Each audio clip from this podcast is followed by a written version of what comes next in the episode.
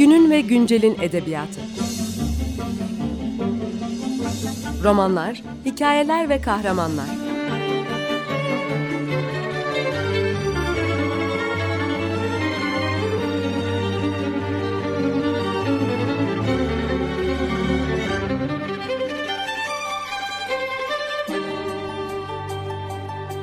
Hazırlayan ve sunan Seval Şahin.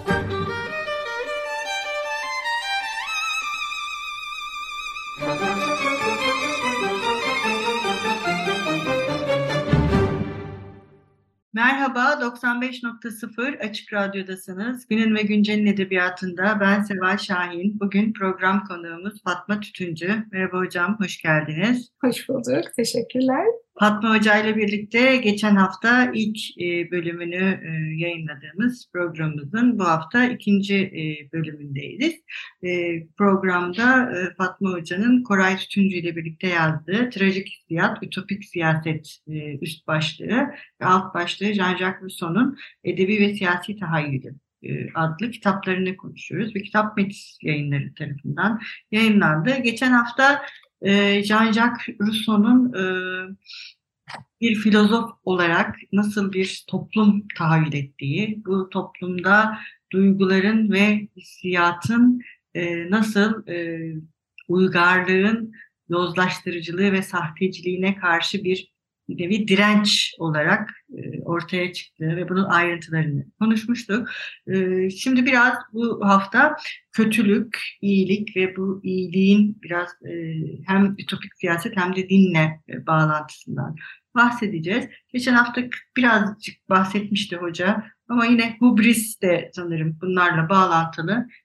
Biraz buralara girelim mi? Ne dersin? Evet, bu hubris kavramı biraz hani bir kitabı iki kişi yazınca arada kendi aranızda da kavgalar çıkıyor, tartışmalar çıkıyor.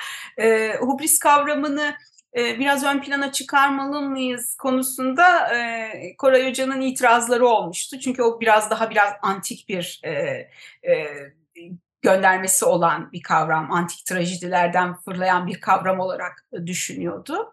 Ama ben de bunun pekala hani e, modern, çağdaş günümüz yorumları açısından aynı biçimde yani antikler gibi aynı şekilde olmasa bile mümkün olabileceğini düşünüyordum. Çünkü Rousseau'nun hani e, öz sevgi, e, amor de soi ve onun e, yozlaşmış hali aslında hubrisle bağlantılı. Çünkü hubris bir büyüklenme, üstün görme, e, eşitliğe e, itiraz etme halini barındıran bir kavram, kibir kavramı. Ve bu antik e, bilgeliklerden bildiğimize göre e, hubris e, tiranı besleyen, e, eşitlik duygusu ise kardeşçe hisleri besleyen bir durumdadır.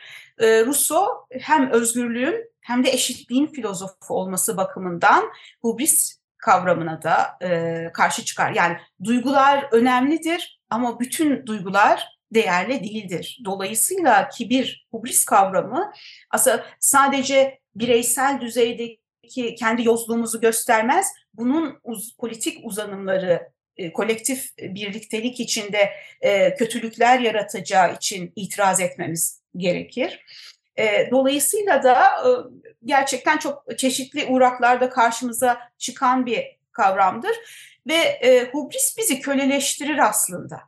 Neden köleleştirir? Çünkü kendimizi sevdiğimizde kendimize dönüyüzdür. Bu kapalılık anlamına gelmiyor. Yani kendi arzularımızla kendi yetilerimizi dengeleyen, kendinden memnun, iyi varlıklar oluruz. Ama gelişme kaçınılmaz bir şekilde insanı insana yaklaştırır. Kırıl, kırılgan oluşumuz aslında bunun güzelliği buradadır. Kırılganlıklarımız insanı insana yaklaştırır. Hani demokrasi der Rousseau, ee, eğer tanrıların bir ulusu olsaydı demokrasiyle yönetilirlerdi. Bizim harcımız değil, insanın harcı değil. Biz çok kırılganız. Çünkü demokrasi çok güçlü bireyler ya da güçlü varlıklar istiyor. Bu ama kuramayacağımız, iyi e, yönetimleri kuramayacağımız anlamına gelmiyor. Fakat o sağlıklı öz sevgimiz kolayca e, amor propa dönüşüyor ve kötücül, bencil, kendini kıyaslayan, devamlı rekabet etmeye çalışan, devamlı başkasından daha fazlasını elde etmeye çalışan ama burada Russo şöyle der sık sık insanı e, hep böyle bir efendi köle e, meselesini çok e, alır ama bu basitçe bir hani işte e, antik Yunan'da köleler vardı bir de efendiler vardı gibi somut şeyler değildir. Bu biçimler daha kolaydır zaten. Çünkü gördüğünüzde birinin köle olduğunu, zincirlenmiş olduğunu bu kolaydır. Ama uygarlık eleştirisinde zincirlerimizi çiçeklerle süsleyen sanat ve edebiyattan ve bilimsel gelişmelerden söz eder. Göremediğimiz bu hubris dolu tavırlarımız aslında başkasının bizi onaylamasına duyduğumuz ihtiyaçla ilgilidir. Kıyası neyle yapacağız? Kendimizle yeter halde değil. Başkasının onayı, başkasının isteği, başkasından daha iyi. Bu e, arzular bizi aslında bir nevi köleleştirmektedir.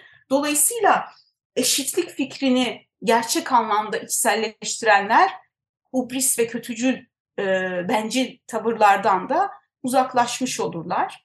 E, iyi olmak yetmez, erdemli de olmak gerekir der. Dolayısıyla hubrisi siyasi topluluğumuzdan da kendi e, mahrem yanımızdan da kovmamız gerekir. Ha kolay mıdır? Mesela Russo'ya da e, hubrisli olduğu, kibirli olduğu söylenmiştir. E, ben bu e, filozoflar arası çatışmada biraz Rousseau'nun tarafındayım. E, mesela Koraycı o kadar e, diğer filozofların da hakkını yemeyelim diye çok e, beni frenlemeye çalıştı ama ben birazcık e, duygusal bir halde birazcık fazla Rousseau'yu e, korumaya, kollamaya çalışma haddim olmayarak yani aslında. E, güzel de bir şey çıkıyor o zaman da. Biraz işin içine duygu daha fazla katınca belki de. Evet. Peki Rousseau'ya göre insan e, iyi midir? Kesin olarak iyidir ama bu şu demek değildir. Mesela Hobbes ve Rousseau karşılaştırmasını yaparız. İnsan zaten e, insanın kendisi kendini tanı e, düsturu, e, o iyiliği görmemiz içindir. Kendimi tanımamız, kendimizi tanımamız. Ki ondan yansıyan iyi topluma yansıyacağız. Ama hali hazırda baktığında gerçekten de e, adeta Hobbes'un tasvir ettiği bir şeyle karşılaşırız. Homo homini lupus gibidir ortalık. E, Rousseau e, diğer filozoflara da mesela Aristo'ya ya da başkalarına da sonuçlar üzerinden insanı tanıdıkları için itiraz eder. Yani sonuçlardan kastettiği der gerçekten kötü, iki yüzlü, sahtekar, bencil bir insanla karşı karşıyayız. Paris'i eleştirmesinin nedeni bu. E, insan eti, insan nefesi zehirlidir der Rousseau. Bu hem metaforik anlamda hem e, gerçek anlamda böyle birbirimizi hasta ederiz ve birbirimizin kötülüğünü isteriz. Ama bu bu kötü, iyi düzenlenmemiş toplumda, eşitler topluluğunun üyesi olmadığımızda, özgürlük kayıpları yaşadığımızda böyledir. Ama özünde o özü görebilirsek, o yüzden glukos mitine gönderme vardır. Hani böyle saçı sakalı her şeyi birbirine karışmış bir halde ne olduğu görünmeyen insanda biraz bu haldeyken uygar toplumda bilimlerin, sanatların, her şeyin geliştiği bir anda bu haldeyken kendisi de kendisinin iyiliğini göremez. Bunu çıkarmamız, görmemiz lazım. E, nitekim bu e, hani bu kötülük meselesine doğru da ya da inanç meselesine doğru da akışı buradan doğurdurursun. Evet insan iyidir. Ee, bana husumet besleyenler de iyidir der. Onları da seviyorum ben der. Ama sonuçta e, var olan koşullar insanları birbirine düşman eden, kıran, yıkan e, etkiler yaratmaktadır. Peki Tanrı iyi midir Rousseau'ya göre? E, Tanrı da iyidir. Çünkü yani doğayla Tanrı e, yani doğayı ya da Tanrı'yı kasteder. Doğanın e, yani Rousseau bugün de çok e, seveceklerini düşünüyorum e, özellikle gençlerin. Çünkü kendisi bir vejeteryandır, bir doğa aşıdır, bir botanisttir. E, yaşamın böyle alelacele e, debdebeli hali yerine doğanın dinginliğini yani Tanrı'nın sesini doğanın sesinde bulabileceğimizi ve içimizde bulabileceğimizi söyler. Dolayısıyla e, tabii ki iyidir. Bu mesele güzel bir, çok önemli bir teolojik soruyu da açmış oldu aslında. Tabii retorik bir soru sormuş oldunuz. Basitçe Rousseau'nun bu konudaki e, tartışmalarına da yani özgürlüğünü de e, açmamız için belki bir fırsat olacak.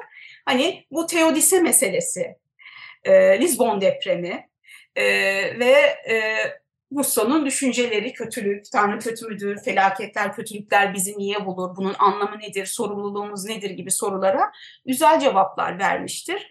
E, ve orada aslında e, e, Voltaire'le de tartışmaları da e, bizim açımızdan anlamlıdır. Şöyle, şöyle e, buraya geçmeden e, bir ara verelim isterseniz, tamam. müzik arası. Sonra da bu e, Lisbon depremi ve o Voltaire'le aralarındaki çatışmalar önemli.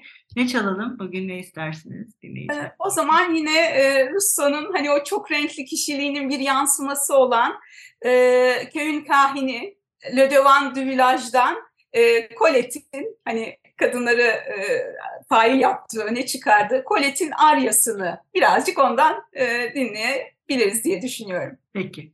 Merhaba, 95.0 Açık Radyo'dasınız. Günün ve Güncel'in edebiyatında ben Seval Şahin. Program konuğumuz Fatma Tütüncü ile birlikte Trajik Hissiyat, Ütopik Siyaset, Jean-Jacques Rousseau'nun Edebi ve Siyasi Tahayyülü adlı kitabı konuşmaya devam ediyoruz. Bu ikinci haftaki programımız. Bu haftaki programımızın ilk kısmında Jean-Jacques Rousseau'nun e, birey ve toplumsal diyelim artık tahayyülünde inanç, e, iyilik, kötülük ve e, Tanrı'nın e, bireyle ve doğayla kurduğu ilişkiyi e, konuştuk ve en son hoca Lisbon depremi ve o büyük Lisbon depreminde Voltaire ve Jean-Jacques Rousseau'nun Tanrı, doğa ve inanç e, üzerine yaşanan çatışmasında kalmıştı. Evet, buradan devam edelim. Buyurun. Evet, aslında e, güncel olarak da yine anlamlıdır bu tartışma. Çünkü e, moderniteyi e, açan e, ve moderniteyi kapatan iki büyük felaketten, kötülükten söz eder önemli filozof Susan Neiman. Bu Lisbon depremini moderniteyi açan bir felaket olarak ve Auschwitz'te e, moderniteyi kapatan bir e, felaket olarak adlandırır İşin ilginç yanı her ikisinde de Rousseau'nun olmasıdır. Moderniteyi kuran söylemin e, üretilmesinde de ama Rousseau karşıtlarının da e, bak işte totalitarizme yol açtı onun düşünceleri diyen o onu kampa hani kamp sözleşmesi mi yapıyor, toplum sözleşmesi mi yapıyor? Tam özgürlüğü vaat ederken aslında o e, bizi köleleştiren e, zincirleri kendisi mi bizim boynumuza takıyor diye eleştiriler getirilmiştir ama bunlar e, çok e, ciddiye alınacak, e, Rousseau'yu çok iyi baktığımızda çok ciddiye alınacak eleştiriler değildir. E, hem faşist e, totalitarizmi hem e, sol totalitarizmi Rousseau'nun e, sorumluluğuna e, itmek doğru değildir. Fakat peki ne demiştir Rousseau Lisbon depreminde? E, o zaman e, bütün e, ahlaki kötülükler, doğal felaketler kötülük olarak adlandırılıyor. Biz şimdi ona e, depreme, sel, baskın gibi şeylere e, doğal felaketler diyoruz. Ama e, her türlü kötülüğe o zaman, her türlü kötü e, olaya e, kötülük meselesi adı altında ele almışlardı filozoflar. Ve bir e, Lisbon depremi üzerinden e, şey tartışması yaşandı. Teolojik bir tartışma yaşandı. Hemen Voltaire e, bir kandit, onun kendisinin magnum opus'u olan kandidi yazmıştır. Bir de bir şiir yazmıştır Lisbon depremi üzerine. Biz naçizane biraz çevirdik ama hani bu edebiyat okurları bizi bağışlasınlar. Türkçesini bulamadığımız için böyle bir yola girdik. Orada gerçekten hani masumların öldüğünü, kadınların, çocukların feci bir hale geldiğini söylerken bu her şey iyidir anlayışını eleştirmek ister. E, Leibniz'in e, anlayışıdır bu. E, ama Rousseau Emily, Rousseau'nun eserleri girişleriyle, e, güzel girişleriyle ünlüdür.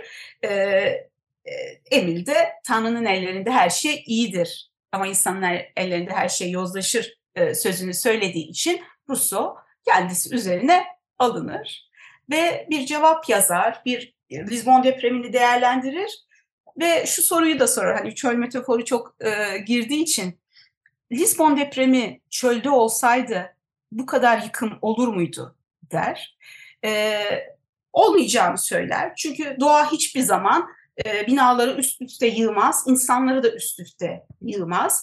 Dolayısıyla Voltaire Tanrı'yı sorumlu tutarken kadercilikten de öteye giderek her şeyin sorumlusunun Tanrı olduğunu söylemeye çalışırken Rousseau insanın sorumluluğunun olduğunu söyler. Bu zaten aydınlanma e, rasyonalizminin, aydınlanma e, meselesinin, Kant'ın aydınlanma sorusuna verdiği cevabın e, açık edilmesidir. Çünkü insan hem kendi düşünme yetisini, aklını kullanmaya cesareti göstermek zorundadır. Hem de bu içinde bulunduğu dünyada sorumluluk almak zorundadır. Yani bütün sorumluluklarını bir doktora, bir hekime, işte bir e, muhasebeciye her şeyi devrederek, burada da Voltaire her şeyi Tanrı'ya devrederek bir e, sorumluluktan kaçıp bir kasvete, bir karanlığa büründürür. Rousseau der ki, e, aslında deprem olduğunda e, insanlar hem depremin ilk olduğu anda evlerini terk etmemişlerdir. Bir takım iki elbise, üç kıyafet, bir altın kuruş gümüşün peşine düşmüşlerdir. Dolayısıyla aslında şu çok vurucu eleştiriyi yapar o Lisbon depremi üzerine yazdığı metinde. Ee, insanlar aslında en değersiz şeyin ne olduğunu ifşa etmişlerdir. Kendileridir, insandır. Dolayısıyla da çok daha az ölüm olur. Hem iyi bir toplumu, iyi bir düzenlemeyi yapmadığımız için, üst üste istiflendiğimiz için, herkes Avrupa'nın en büyük şehirlerinden biridir Lisbon, e, istiflendiğimiz için bu kadar yıkım olur. Hem de mala, mülke, paraya, e, takılarımıza vesaire bu kadar, süslerimize bu kadar değer verdiğimiz için. Ve daha kötüsü yani buradaki eleştiri bu. İnsan kendisine değer vermediği zaman, öz sevgiyi, korum, öz korumayı kaybettiği zaman e, bir başkasını sevmesi de mümkün değildir. E, ve en değersiz şeyin insan oluşuna da itirazı vardır. Buradan e, insan için çok fazla sorumluluk çıkması da aslında Rousseau'nun e, kaderci değil, aydınlanmanın o yaratıcı, kendi sorumluluklarını eline almış insanını, e, otonom insanını nasıl desteklediğini gösterir bize. E, dolayısıyla aslında her konuda yaptığı yorumla hem e, harmonik bir e, sistemi olduğunu göstermiştir hem de ne kadar özgün bir bakış açısı olduğunu göstermiştir. Bize de e, söyleyeceği çok şey var hala aslında. Dolayısıyla da etkileyici olmaya devam ediyor gibi gel geliyor bana. Ve bir umut değil mi? Hep bir umut evet. var. Yani Kesinlikle. yani hep bir umut var. Bu umut ne yani? yani işte burada zaten kitapta felakete rağmen umut diye de bir. Hı hı. Evet yani trajik hissiyat var. Yani kötülükler, olumsuzluklar, felaketler var. E, hayat toz pembe değil. Yani insanın iyi oluşu, doğanın güzel oluşu, bir takım sorunlarla karşılaşmadığımız savaşların, yıkımların olmadığı anlamına gelmiyor. Ama ütopya zaten umut ilkesidir. Rousseau o ütopik siyasetiyle insanın gücüne inandığı için bu umudu hiç terk etmemiştir kendisi. Yani ne kadar sağlık sorunları yaşamıştır, e, haksızlıklar yapılmıştır. E, yani ortaya şey yazmıştır, asılırsa e, üzülmem gibi şeyler yazmıştır. Sonuç itibariyle çok gerçekten bunlar mümkün olan da şeylerdi. E, baskıcı rejimler karşısında hem dinle ilgili yazdıkları dolayısıyla hem siyasi iktidar konusunda e, burada bahsettiğimiz halk egemenliğinin, eşitliğin, e, otonominin, özgürlüğün yılmaz savunucusudur, cesaretli bir şekilde savunucusudur. Kimse e, e, boyun eğmeyen bir güçlü bir varlıktan söz ediyoruz ve dayanacak hiçbir şey yok aslında bakarsanız. E, bu e, deprem üzerine konuşurken Voltaire der ki bu karamsarlık neden? Her şeyin var. Çağın en iyi doktoru mesela saat ticareti yapar. E, soylularla ilişkisi çok iyidir. Bolluk içerisindedir hazır cevaptır, sivri dillidir. E, Voltaire tam salon erkeğidir. Rusya ise çok heyecanlıdır, kırılgandır. E, dolayısıyla da benim hiçbir şeyim yok der ama ona rağmen bu umudu insanı biliyorum çünkü. Yani insanı tanıyor. Yani e, bütün insanların özünü tanıyor. Dolayısıyla umut bunu bilen umuttan vazgeçmeyecektir. Kendisi göremese de nitekim Fransız devrimi olmuştur. Ee, özgürlük, eşitlik, kardeşlik o e, Rousseau'nun metinleri okunmuştur sokaklarda. Ee, Robespierre itirafları göğsünde taşır. Dolayısıyla e, bu umut boşuna değildir. Bundan sonrası için de aslında umut etmeye devam etmemiz için. Ha bu umut böyle bir toz pembe hayaller içerisinde bulutların üzerinde dolaşıyoruz. Naifliği değildir. Naif bir ütopyacılık ya da naif bir umut ilkesi değildir. Trajik hissiyatla birlikte umut etmeye devam etmektir. O son hani kısa bir e, metni vardı. Kendisi kovuşturmaya uğrarken Levili'nin başına gelenler. Orada da kanın, iç savaşın, e, bir aşkın bir kolektif bir soruna, bir e, iç savaşa döndüğü ve sonuçta adaletin yine kamusal bir e, kolektif bir iyiden gelebildiği e, vurguları olmuştur Rousseau'nun. E, her şeye rağmen iyi olan, erdemli olanın yanında durmuştur. E, bu yüzden de hani çağımızdır, şimdimizdedir. Çölden bizi e, çıkaracak olan bir çöl piridir Rousseau. Evet, e, kesinlikle öyle. E, çok teşekkür ederiz hocam. Çok sağ olun. Bu iki ben hafta teşekkür ederim. şahane bir söyleşi oldu e, sayenizde. Biz de yine e, sizler sayesinde Rousseau'ya yeniden dönüp yeniden Rousseau okuyup yeniden Rousseau üzerine e, düşünme fırsatı e, elde ettik. Benim için en azından öyle oldu. Rousseau'ya yeniden bakmak için. Çok teşekkür ederiz. Ben de tekrar teşekkür ediyorum. Hoşçakalın. Görüşmek üzere. Görüşmek üzere.